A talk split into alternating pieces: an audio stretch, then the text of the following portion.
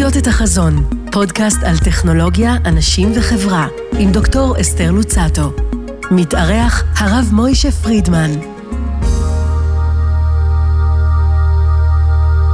שלום לכם וברוכים הבאים לעונה שנייה של הפודקאסט לחיות את החזון, איתי דוקטור אתי לוצטו כאן ברדיוס 100 FM. פודקאסט על חדשנות טכנולוגית ועל אנשים שעומדים מאחורי המיזמים הגדולים, שמשפיעים על החברה ומשנים את חיינו. אתם יכולים להאזין לנו במגוון פלטפורמות, באפליקציה, באתר, בספוטיפיי, באפל פודקאסט, בגוגל פודקאסט של רדיוס 100 אה, FM, והפעם אני מארחת את הרב מוישי פרידמן. מוישי, כן. אה, מייסד ארגון קמא-טק אה, של שילוב חרדים בהייטק וקרן הון סיכון. ספר לנו קצת על עצמך. אז קודם כל, אה, תודה באמת על הכבוד, ממש אה, כבוד גדול להיות פה ברדיו, בפודקאסט, וכזאת אה, מראיינת, מכובדת, אז תודה על הכבוד. תודה לך. אספר על עצמי, אז אני אנסה בגרסה הקצרה, בגרסת ה-60 שניות. גדלתי בירושלים, משפחה, אני בחור חרדי, משפחה חרדית, משפחה של רבנים. אה, כל הדורות אחורה, מצד אבא, מצד אימא, כולם אה, רבנים חשובים. כמה אפילו... דורות בירושלים? אז אה, סבא של סבא שלי, מצד אבא, היה הרב הראשי של ירושלים, קראו לו רבי יוסף חיים זונפלד. Mm. הוא נחשב, בעצם, יש כאלה שקוראים לו המייסד של העדה החרדית. הוא הגיע לארץ מהונגריה, הוא היה שם תלמיד של גדולי הדור שהיו אז באירופה, החתם סופר, הכתב סופר, היו גדולי הדור דאז. נכון, בהונגריה. בדיוק, והוא הגיע לארץ, אה, זה היה טרום קום המדינה, בערך לפני איזה 120 שנה, והוא הגיע לירושלים, והוא בעצם היה גם רב גדול מאוד, אבל גם, אפשר לומר, סוג של יזם, שהוא בעצם אה, בנה את כל המוסדות החרדים בירושלים, את הבתי ספר, את הבתי דין, את הישיבות, הוא ממש אה, הניח את כל התשתית. בהיותו בהונגריה היה לו איזשהו קשר גם עם התנועה הציונית, שהייתה בתחילת דרכה באותה תקופה? זו שאלה מעניינת, ברור שהוא היה ציוני במובן הזה שהוא עלה לארץ ישראל והוא עלה, אה, הגיע להתיישב פה ולגור פה ולבנות פה את המוסדות הדתיים והכל, אבל הייתה לו מחלוקת עם התנועה הציונית בהקשר הדתי, כי הוא היה אדם מאוד מאוד דתי, וראשי התנועה הציונית... אבל היו זרמים דתיים בציונות. כן, אז חלק אה, מראשי הציונות היו אנשים חילונים, חלק היו דתי... הרב דת, קוק. אה. הרב קוק, אז יש הרבה מאוד סיפורים. סבא שלי והרב קוק חיו באותה תקופה. נכון. מצד אחד יש מסע מפורסם שהם עשו ביחד, קראו לזה מסע המושבות, שהם בעצם נסעו יחד, שני הרבנים, לבקר, הרב קוק אז היה הרב של יפו, של תל אביב-יפו, וסבא שלי היה הרב של ירושלים, והם נסעו יחד לבקר בכל המושבות. של החלוצים, בראש פינה, בכל מיני מקומות כאלה, יש ממש, כתבו על זה ספרים, על מסע הרבנים במושבות. אז מצד אחד הם פעלו ביחד, מצד שני היו ביניהם כל מיני חילוקי דעות אידיאולוגיים. בסופו של דבר... אה, כדרכנו. כדרכנו, עם ישראל, כן. כן, תשים אה, שני יהודים במקום אחד, תקבל לפחות אה, שלוש דעות. סבא שלי הלך יותר לכיוון החרדי, הרב קוק יותר לכיוון מה שהיום זה נקרא דתי-לאומי. אז כל אחד בחר את הדרך שלו, אבל פעלו באותו זמן, כל אחד לפי תפיסת עולמו ניסה באמת לבנות את הארץ, לבנות את החברה הישראלית בצורה הכי טובה. למשל, אני יכול לספר עוד אנקדוטה, שאפילו סבא שלי ניסה לכונן הסכם שלום, זה משהו די מדהים, זו הייתה פרשייה היסטורית, יש על זה הרבה חומר בוויקיפדיה. הוא חשב, זה היה טרום קום המדינה, אבל הוא חשב שצריך לשבת פה בשלום עם התושבים הערבים. ובזמנו מי שהיה השליט הערבי הכי חשוב היה משהו המלך של ירדן, והוא נסע לפגוש אותו כדי לעשות איזשהו הסכם שלום. עבדאללה? כן, היהודים והערבים, ובזמנו היה לו מישהו שעבד איתו שקראו לו דוקטור דהן, זה היה מישהו הולנדי שעבד איתו על הנושא הזה של השלום, ואותו דוקטור דהן אה, נרצח. זה היה הרצח הפוליטי הראשון בתולדות התנועה הציונית, רצחו אותו, עד היום לא יודעים בדיוק מי רצח אותו, אבל כנראה, כנראה אנשים שרצו לחבל באותו תהליך. אז אה, בקיצור, הוא היה גם יזם, גם מנהיג, גם רב גדול, וניסה לעשות הכי טוב למען עם ישראל לפי תפיסת עולמו ולפי דרכו. וזו הייתה משפחה חשובה של רבנים, ואני הקטן אה, נולדתי מאה שנה מאוחר כשאתה יותר. כשאתה הדור השלישי ממנו? השישי, הוא השישי? סבא של סבא. אה, כן. אוקיי. אני, גם אצל החרדים, כל אחד מתחתן מאוד צעיר. נכון, אז, נכון. בגיל 20 אתה כבר מתחתן ויש לך ילדים, אז תוך נכון. 100 שנה יש כבר חמש דורות, זה, זה רץ מאוד מהר. אמ, סבא של סבא שלי, אז אני נולדתי במשפחה חרדית מאוד בירושלים ושל רבנים, והאמת שחינכו אותי להיות גדול בתורה, גדלתי במוסדות, בתלמוד תורה ובישיבה, כדי להיות גדול בתורה. ועד היום אני חולם להיות גדול בתורה בעזרת השם, וזה גם החלום של, של אימא, שאני אהיה גדול בתורה. אמ, אז איך זה מתחבר לעולמות ההייטק, שנראה שזה ב-180 מעלות בערך? כן, אז, אז, אז אה, זהו, אז מה שקרה שבאיזושהי נקודת זמן, האמת שאני חיברתי כמה חיבורים הלכתיים, וקניתי מחשב בשביל לכתוב את החידושי תורה, וכתבתי כמה ספרים ומאמרים בנושאים הלכתיים, והמחשב היה מחובר אה, לאינטרנט, ופתאום אה, דרך זה התחלתי לגלות כל מיני דברים. אה, על טכנולוגיה, על חדשנות, על יזמות, הדבר הזה התחיל מאוד לסקרן אותי ולעניין אותי. ואיך החברה הדתית קיבלה את הפתיחות הזאת? אז זה סתם הייתה איזה מין סקרנות, ישבתי, קראתי, התעניינתי, לא, לא עשיתי שום פעולה משמעותית חוץ מלהתעניין ולקרוא, ומהר מאוד למדתי שמדינת ישראל זה Start-Up Nation, מדינת הסטארט-אפים, מדינת היזמים, ופתאום אני קורא על זה, זאת אומרת, אני גדלתי בירושלים, אני לא סיפרתי שבאיזושהי נקודת זמן עברתי לגור בבני ברק, אשתי מבני ברק, אז עבר- עברנו לגור בבני ברק. אני גר בעצם כמה דקות מתל אביב, ובעצם אני מגלה שבתל אביב צומחים סטארט-אפים וחברות, ויש אה, יזמים וחדשנות, והדבר הזה התחיל מאוד לעניין אותי ולסקרן אותי, וסתם מתוך סקרנות החלטתי שאני מנסה קצת יותר ללמוד על, על העולם הזה, והתחלתי, יש אה, ברוך השם כל היום כנסים וועידות ובלי סוף סביב הייטק וטכנולוגיה, אז פשוט נסעתי והייתי בכל מיני כנסים והאזנתי לכל מיני הרצאות. ופשוט הרגשתי שהדבר הזה הוא, הוא מדהים והוא מרתק אותי, עד שיום אחד קמתי בבוקר ואמרתי, אני רוצה להקים סטארט-אפ. אה, לא היה לי את הידע הפורמלי בשביל להקים סטארט-אפ. החינוך שלי, הידע שקיבלתי הוא בלימוד תורה. אה, יכלתי להיות רב בישראל, אבל לא להיות סטארט-אפיסט, אבל זה מאוד סקרן אותי, מאוד ריתק אותי. אה, ראיתי שיש גם המון ידע שנגיש אה, בדרך האינטרנט, היום מאוד קל אה, לקבל ידע מכל מקום, זה, הידע מאוד נגיש. ופשוט קראתי המון חומר והחלטתי שאני מנסה להקים סטארט-אפ. ויחד עם כמה שותפים, חברים, פשוט ניסינו להרים היה איזשהו- לך איזשהו רעיון שאיתו התחלת, שאמרת, אוקיי, יש לי את הרעיון הזה ואותו אני רוצה לפתח ולהתגלגל אה, כן, הלאה? כן, היה רעיון, זה היה בתחום הצילום וידאו. סתם באופן חובבני הייתי אוהב סתם לצלם ולצלם וידאו באופן חובבני לחלוטין, וראיתי שמאוד מאוד קשה גם לשתף, אני מדבר לפני עשר שנים, קשה לשתף את זה, קשה לעבוד עם אנשים אחרים על אותו קטע וידאו דרך, אה, נגיד דרך הענן. היום זה נשמע טריוויאלי, אבל לפני עשר שנים זה היה יותר קשה, לא היו כלים לעשות את זה ולערוך את הוידאו בקלות. הקמנו סטארט-אפ שנקרא קליפ-פופ, כמו קליפ-פופ, והרעיון היה בעצם שיהיה כלי מאוד קל שאפשר גם ליצור וידאו כמה אנשים ביחד, גם לשתף, גם לערוך אותו בקלות.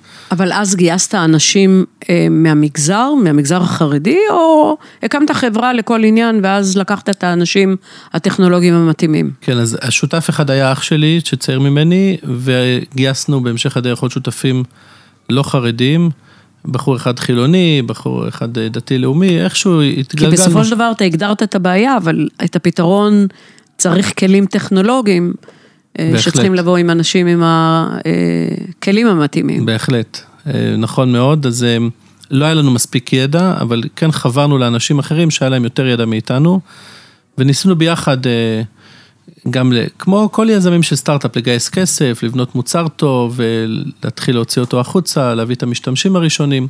עשינו את כל התהליך הזה.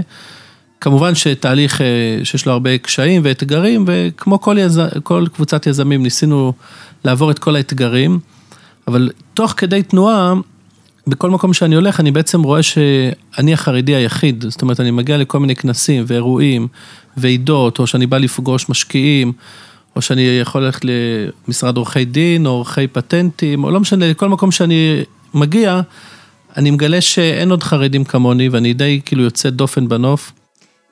ואתה מבין, זאת אומרת, התנאי פתיחה, או בכלל, אה, רוב האנשים שהולכים להייטק, הם באים עם הרקע הטכנולוגי. המתאים. בין אם הם היו ביחידות טכנולוגיות בצבא, או למדו לימודי הנדסה באוניברסיטאות, ולחרדים אין את הבסיס הזה, אז מכאן תנאי הפתיחה שלהם הם הרבה יותר קשים. בהחלט. זאת אומרת, עם כן. חסמים מאוד גדולים. בהחלט, אני מסכים, תכף אני גם אספר אה, את המשך הדרך, איך אה, הכל אה, נהפך לסיפור הצלחה, ברוך השם, מאוד יפה, אבל את צודקת בזה שהתנאי פתיחה הם הרבה יותר קשים, כי בדרך כלל הפערים הם יותר גדולים, הפער של הידע, אפילו הפער גם של ההבנה התרבותית, אתה מקים סטארט-אפ, אם אתה מגיע מתרבות מאוד מאוד שונה, יש פערים מאוד גדולים. אה, כן, יש בציבור החרדי אנרגיה אדירה של יזמות, ואנשים עם המון המון כישרון. מה זה אומר אנרגיה אדירה של יזמות במגזר החרדי? יש איזשהו נתון מדהים, שלימים אנחנו הקמנו תוכנית יזמות, תכף אני אספר על זה, ויש שם סיפורי הצלחה מאוד גדולים, אבל, ואז הייתי שותף באיזשהו מחקר שעשתה אוניברסיטת אה, בן גוריון, בבאר שבע, סביב הנושא של אה, יזמות, זה מחקר שמנהלים אותו בכל העולם, והם אחראים על החלק של המחקר בישראל. אחד הדברים שהם מודדים זה כמה אנשים יזמים יש בכלל האוכלוסייה. זאת אומרת, רוב האנשים הם לא יזמים, הם שכירים. אחד הולך לעבוד בבנק, אחד הולך לעבוד, אה, הוא רופא, הם, הוא שכיר, הוא לא יזם. אבל בישראל שיעור היזמות הוא מאוד גבוה. כן, ואז יש אנשים שהם יזמים, שהם בעצם הולכים ומקימים לבד עסק, זה יכול להיות אפילו מסעדה, לא משנה מה, אדם שהוא יזם ויוזם עסק באופן עצמאי. אה, הם מודדים את זה כבר כמה שנים, שיעור היזמים בישראל, לפי הנתונים שלהם, זה 12% מהאוכלוסייה. שזה מאוד מאוד גבוה, זאת אומרת שאחד מכל שמונה אנשים באוכלוסייה הוא יזם. לא כולם בתחום הטכנולוגיה, אבל יזם באיזשהו תחום. ואז הם נעזרו בי בעצם לעשות מחקר דומה בחברה החרדית, כמה אחוז, כמה שיעור היזמים בתוך החברה החרדית, וגילו נתון מדהים, הם אומרים שזה הנתון הכי גבוה בעולם, ומדדים את זה כבר כמה שנים, שיעור היזמים בקהילה החרדית זה 20 אחוז. זאת אומרת, אחד, אחד מכל חמישה אנשים בציבור החרדי הוא יזם. כמה אנשים השתתפו בסקר הזה או בבדיקה הזאת? סקרו אלפי אנשים, אני עזרתי להם. כי זה נשמע לי מספר מאוד גבוה. מאוד מאוד גבוה, ובהתחלה הם גם הופתעו מאוד מהתוצאות, ואני עזרתי להם להפיץ את זה בתוך הציבור החרדי. אבל זה שוב ושוב ושוב, בדקו שוב ושוב במשך כמה שנים, וזו התוצאה שמקבלים. והם פרסמו את הנתונים האלה, ובעצם מה שאנחנו מסיקים מזה, שיש הרבה מאוד אנשים... יש DNA. יש DNA של יזמות, גם נשים חרדיות, גם גברים חרדים שיוזמים עסקים, מקימים עסקים, בכל מיני תחומים, זה יכול להיות אחד שהוא יזם של נדל"ן, או יזם של איזה עסק של יבוא וייצור של דברים, כל מיני תחומים, או עסק של תכשיטים, לא משנה מה, אנשים הם יזמים. אבל כמה הקהילה החרדית היום פתוחה, כולל הנשים שבה, ואולי בעיקר נתחיל עם הנשים, מאפשרת להם את הגמישות ואת האפשרות לחדור לעולמות האלה של ההייטק, של יזמות, כי בסופו של יום, מי שהולך להייטק ורוצה כמובן להצליח, אז המספרים להצלחה הם לא מאוד גדולים, זה אחוזים בודדים, אה, וזה אומר שאתה אה, כמעט 24-7 סביב העניין הזה. וכאן נכנסות המגבלות של ביחס לאוכלוסייה החילונית, האוכלוסייה החרדית יש לה בעיות אובייקטיביות אה, שמגבילות אותה יותר. כן. כמה הקהילה הזאת פתוחה? זו שאלה מצוינת, אני אפילו זוכר, אני אחזק שנייה את השאלה. אה, אני זוכר שכשהתחלתי את התהליך פגשתי גם יזם מאוד מצליח שעשה סטארט-אפים ואקזיטים. הוא אמר לי, תראה, יזם הוא 24 שעות, 7 ימים בשבוע על הסטארט-אפ שלו. בדרך כלל זה מישהו צעיר, שאין לו יום ואין לו לילה ואין לו משפחה ואין לו שום דבר, הוא רק עובד על הסטארט-אפ. אומר לי, לעומתו, יזם חרדי או יזמת חרדית. פה יש יום שישי ושבת וחג, ועכשיו זה צום, ויש לו משפחה וילדים, ועכשיו יש חתונה, ועכשיו יש בר מצווה, מתי הוא יעבוד על הסטארט-אפ? איך זה הולך? נכון. והשאלה היא מצוינת, אבל אני חייב רגע לקפוץ למציאות, לעובדות. אמ, אני, אני אספר שנייה את הסיפור ודרך זה נענה על השאלה. השאלה היא מצוינת, אבל uh, המציאות מוכיחה אחרת. Uh, מה שקרה בסופו של דבר זה שהם... ניסיתי להקים את הסטארט-אפ שלי, התחלתי איזשהו מסע, ואני לאט לאט מגלה שפשוט אין כמעט חרדים ב ecosystem הזה של היזמות, מעט מאוד חרדים, אם בכלל, בדרך כלל זה יהיה חרדים, חוזרים בתשובה, כל מיני סיפורים או חרדים שעלו מחוץ לארץ, אבל לא חרדים ככה תוצרת ישראל.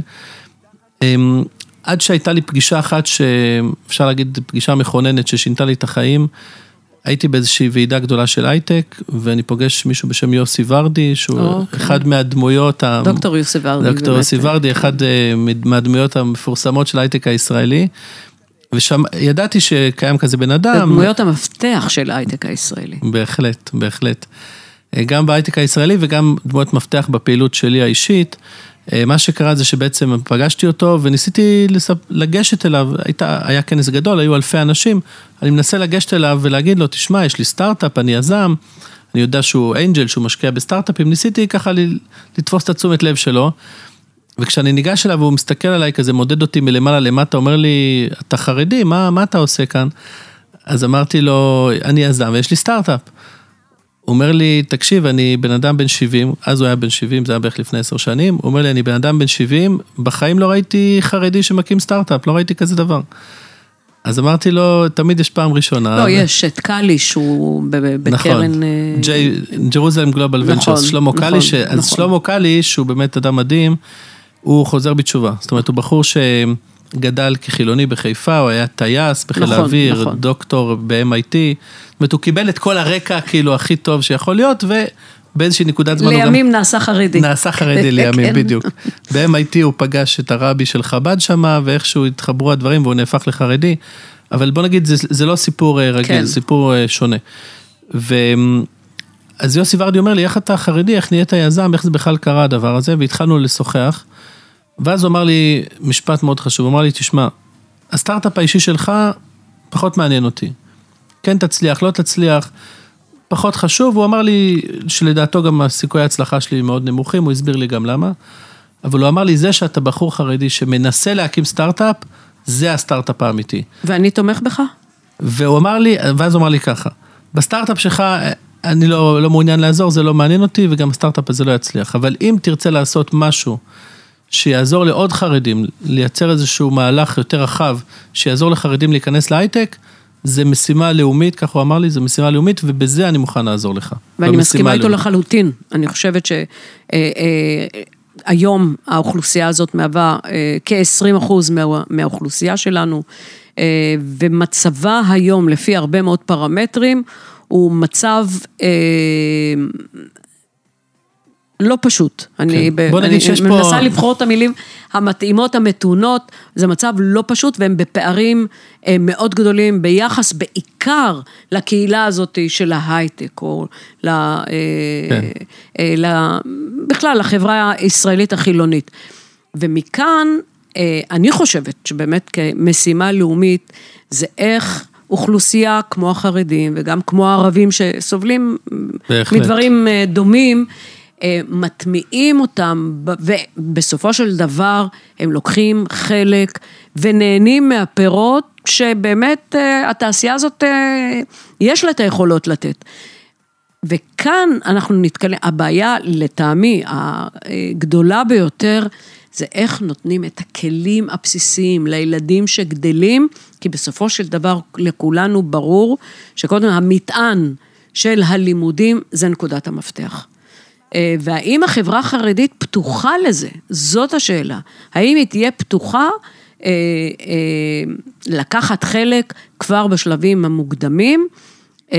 כי צריך לבנות. כמו שאתה יודע, חיים אמיתיים זה תהליכים ארוכים. ומה מידת הפתיחות הזאת? כן, אז השאלות הן מעולות, אז אני אגיד לך מה, מה כבר אנחנו עושים, אני אומר אנחנו, כי אני לא לבד, זה צוות שלם, יוסי ורדי שעזר לנו להקים את זה, ובהמשך הדרך הצטרפו אנשים יקרים, אה, פרופסור אמנון שעשוע ממובילאיי, שהוא תומך מאוד גדול שלנו, ועוד שורה של אנשים אה, מאוד יקרים. בגדול, מה שאנחנו עושים זה בעצם מתחלק לשלושה חלקים. אה, הקמנו בעצם ארגון שנקרא קמא-טק, שזה בעצם ארגון שעוזר לחרדים להיכנס לעולם ההייטק, באמת לעזור בכל הדברים שציינת, ומתוך תפיסה שזה צורך לאומי, ויש פה גם הזדמנות, הזדמנות מדהימה, גם הזדמנות לקהילה החרדית, גם הזדמנות בכלל לכלכלת ישראל. אם המהלך הזה יצליח, זה יהיה ווין ווין לטובת כולם. אין ספק שזה מנוע אדיר, מנוע צמיחה אדיר למשק. כן, ו... אז אנחנו עושים את זה ב... בשלוש זרועות. בזרוע אחת, אנחנו היום אה, גוף הכשרה, אה, נהפכנו לגוף הכשרה מאוד גדול, אנחנו עושים הכשרות טכנולוגיות לכמעט אלפיים חרדים מדי שנה. מה זה אנחנו גוף, הוא פרטי, הוא מטעם משרד זה, תמיכה אנחנו ממשלתית? גוף, אנחנו חברה לתועלת הציבור, כאילו גוף ללא כוונות רווח, קמא-טק, אנחנו מקבלים תמיכה מהרבה אנשים פילנטרופיים, גם תמיכה מכמה משרדי ממשלה, זרוע העבודה, רשות החדשנות, משרד המדע, יש לנו תמיכה מכמה גורמים ממשלתיים. ומה שאנחנו עושים, אנחנו עושים הכשרות טכנולוגיות לחרדים, בעצם לוקחים חרדים ונותנים להם את ההכשרה הטכנולוגית במדעי המחשב, כדי להפוך אותם לאנשים שיכולים לעבוד. מה זה אומר הכשרה? כמה, כמה שנים או... אוקיי, אז... מבחינת הזמן. זהו, אז, אז ככה, יש הבדל מאוד גדול אצל חרדים בין גברים לבין נשים.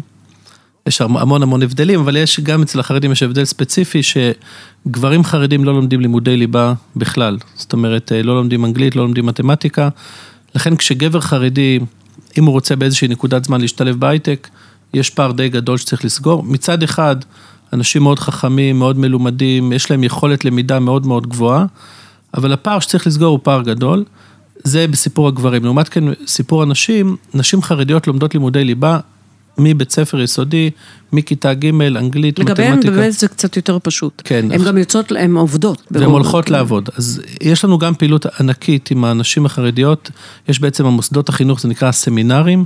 מה שאנחנו עושים בעצם, בנינו תוכנית לימודים, זה תהליך מאוד ארוך, אני מספר את זה ככה בכמה שניות, אבל תוכנית לימודים שבנינו אותה עם, בשיתוף פעולה עם כמה מענקיות הייטק, סיסקו, אינטל, גוגל, מייקרוסופט, אפל, כמה מהחברות, ווסטרן דיגיטל, כמה מחברות ההייטק הכי גדולות, אפילו העולמיות הכי גדולות, שגם יש להן נוכחות מאוד גדולה בישראל, בנינו תוכנית לימודים שאומרת איך אנחנו יכולים לקחת אישה חרדית שלומדת בסמינר חרדי, ולעשות תוכנית לימודים שבעצם תביא אותה למצב שגוגל תרצה לראיין אותה, או שמייקרוסופט תרצה לראיין אותה. הארגון שלכם יצר קשר עם החברות הגדולות האלה, כדי לפתוח את הערוץ, שהם ייפתחו ויעודדו את, ה, את טיפוח הקשר הזה בין החברה לבין, ה, לבין האנשים? בהחלט, אז האמת שאני חייב לציין לטובה, מי שהיה מנכ"ל מייקרוסופט, R&D של מייקרוסופט בישראל, יורם יעקבי, mm.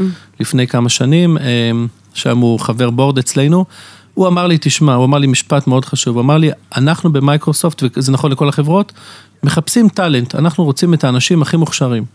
הוא אומר, אם הוא למד בטכניון, או באוניברסיטה העברית, או בסמינר חרדי, זה פחות חשוב לנו, כמו שחשוב לנו למצוא את ה talent הכי טוב. אם תבנו איזושהי תוכנית, שתכשירו אנשים ותדעו לה, להגיד, הנה ה top talent, אנחנו רוצים את האנשים האלה.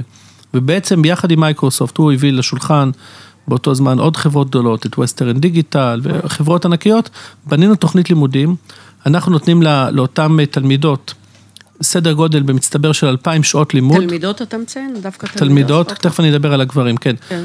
2,000 שעות לימוד של קורסים במדעי המחשב, זה לא לימודים אקדמיים, הם לא לומדים באוניברסיטה, הם לומדים בסמינר חרדי, אבל זה בעצם תוכנית לימודים שהיא די דומה למה שלומדים באוניברסיטה, אבל זה במסגרת הסמינר החרדי, וזה קורסים שאנחנו מביאים להם בשיתוף פעולה עם החברות הגדולות.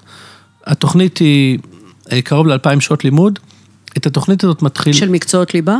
של מתמטיקה ברמה מאוד גבוהה, מדעי המחשב, אלגוריתמיקה, מערכות נתונים, ממש מסדי נתונים, מערכות הפעלה, ואחרי זה שפות תכנות, ממש תוכנית לימודים מאוד מדויקת בעולמות של מדעי המחשב, ומתחילות את התוכנית הזאת כל שנה אלף תלמידות ברחבי הארץ, הכל ממומן מפילנטרופיה, זה לא עולה להם שקל אחד. ולאורך הדרך, כמובן שנוצר איזשהו סינון טבעי, תלמידות עם יכולת יותר גבוהה או פחות גבוהה, עם יותר מוטיבציה, פחות מוטיבציה. משרדי ממשלה מעורבים גם בזה. כי סך הכל למדינה יש אינטרס, צריך להיות לה, למדינה, אינטרס מאוד גדול. ש... כן, למדינה יש אינטרס, אני חייב לומר שגם משרד המדע, גם רשות החדשנות, גם זרוע העבודה במשרד הכלכלה, וגם המשרד לשוויון חברתי, שיש להם שם רשות, הרשות לפיתוח כלכלי של הציבור החרדי, כולם מעורבים ותומכים. עדיין, רוב הכסף עדיין מגיע מגורמים פרטיים. ולגבי הגברים, נניח לנשים, זה גם מסלול כן, יותר אני, קל. אז ו... רק אני אגיד במילה אחת, הטובות שמסיימות בצורה טובה את התוכנית, אנחנו כבר כמה שנים מכניסים את הטובות לגוגל, למייקרוסופט, לאינטל, לווסטרן דיגיטל, לסיסקו, באמת לחברות הכי טובות, אני חושב שזה סוג של מהפכה, זאת אומרת לראות נשים חרדיות שעובדות בחברה כמו גוגל או כמו מייקרוסופט, הן יושבות שם בתל אביב ובהרצליה ועובדות כעובדות מן המניין, זה לא outsourcing, זה לא עובדי קבלן. עובדות... ולגבי הגברים, ששם זה... לגבי הגברים יש פער באמת יותר גדול. אמ, אני ברמה האידיאולוגית, אני לא, לא מנסה להוציא אף אה, גבר חרדי שלומד תורה, להגיד לו, לשכנע אותו, בוא תעבוד בהייטק. אני חושב שמי שבוחר ללמוד תורה זה מצוין וזה מעולה, והוא תורם לעם ישראל בדרכו.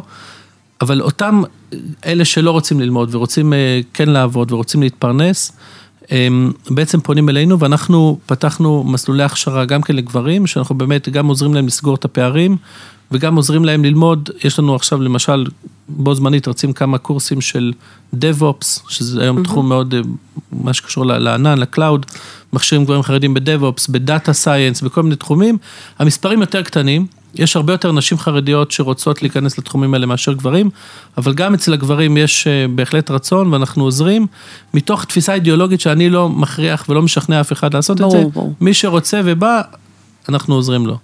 מסמנים לי שהזמן מסתיים, אבל השאלה, אה, אתה אופטימי? זאת אומרת שבאמת יש שינוי שאנחנו מייחלים לו של החברה החרדית? אז אני מאוד אופטימי, אני אגיד כמה דברים שהופכים אותי לאופטימי. קודם כל, זה שאנחנו מצליחים אה, להכשיר מדי שנה קרוב לאלפיים חרדים וחרדיות ולהכניס אותם לחברות הייטק, אני חושב שזה דבר מדהים. אני חושב שיש פתיחות היום מאוד גדולה בחברות הייטק לקלוט אה, עובדים חרדים ועובדות חרדיות. המספרים הולכים ועולים. זאת אומרת, אה, יש דוח שאנחנו הוצאנו, הדוח של קמא-טק, הוצאנו את זה ביחד עם איגוד תעשיות התוכנה, IATI, שמראה שבעצם תוך כמה שנים שיעור החרדים בהייטק עלה מ-0.7 אחוז ל-3 אחוז, ואם אנחנו מסתכלים על היום אנשים שלומדים הייטק במדינת ישראל, עשרה אחוז מהתלמידות והתלמידים שלומדים לימודי הייטק הם חרדים. יפה זאת אומרת, מאוד. אנחנו במגמה מאוד ספק. מהירה של התקדמות, אז אני אופטימי ואני רק אגיד בחצי משפט, שלא דיברנו עדיין על הזרוע השנייה שלנו, שאנחנו גם מאיץ לסטארט-אפים חרדים, שצמחו אצלנו כבר 60 סטארט-אפים. יש כמה סיפורי הצלחה מאוד גדולים, הכי מפורסם בהם זה אלמנטור, זה סטארט-אפ שהקימו שלושה יזמים חרדים מבני ברק, אצלנו במאיץ שלנו בבני ברק, וזה סטארט-אפ שהיום אה, מדברים עליו כבר במונחים של יוניקורן, הוא סטארט-אפ אה, שמעסיק מאות עובדים, מכניס המון כסף. הצלחה, כל הצלחה באמת תיתן רוח גבית למשהו שהוא בנפשנו, אני חושבת שטוב ונכון וחשוב שהאוכלוסייה הזאת תיקח חלק בהצלחה ותטמע בחברה שלנו. אז קודם כל, העבודה שלך היא באמת עבודת קודש, היא עבודה חשובה. אה, גם מבחינה בעיקר חברתית, כלכלית. אז תודה, תודה לך שהיית, אה, שהייתה לי ההזדמנות בכלל להתוודע ולהכיר. אני חושבת שאתה עושה עבודה נהדרת. אה, ובאמת, יישר כוח על כך. אז תודה, גם תודה על המילים החמות ועל הרוח הגבית, ואני קורא מכאן שאם יש מעסיקים שקשה להם לגייס עובדים, יש היום מאבק מאוד קשה על טאלנט, אז יכולים לדבר איתנו בכמה טק, אנחנו נעזור לכם למצוא עובדות חרדיות, עובדים חרדים, ונעשה משהו שהוא טוב גם לחברות וגם למדינת ישראל, ולתפארת מדינת ישראל. ושוב, תודה, הרב מוישי פרידמן, תודה לכם ולכן שהאזנתם לנו, מוזמנים להאזין לפרקים הנוספים של לחיות את החזון במגוון הפלטפורמות, באפליקציה, באתר, בספוטיפיי, באפל פודקאסט, בגוגל פודקאסט של רדיוס 100 אה, FM. אם תעקבו אחרי הפייסבוק והאינסטגרם של רדיוס 100 FM, תהיו הראשונים לדעת כשהפרק החדש עולה. תודה לצוות שלנו, למפיק עידן ריבר, אני דוקטור אתי לוצטו, נשתמע בפרק הבא של לחיות את החזון.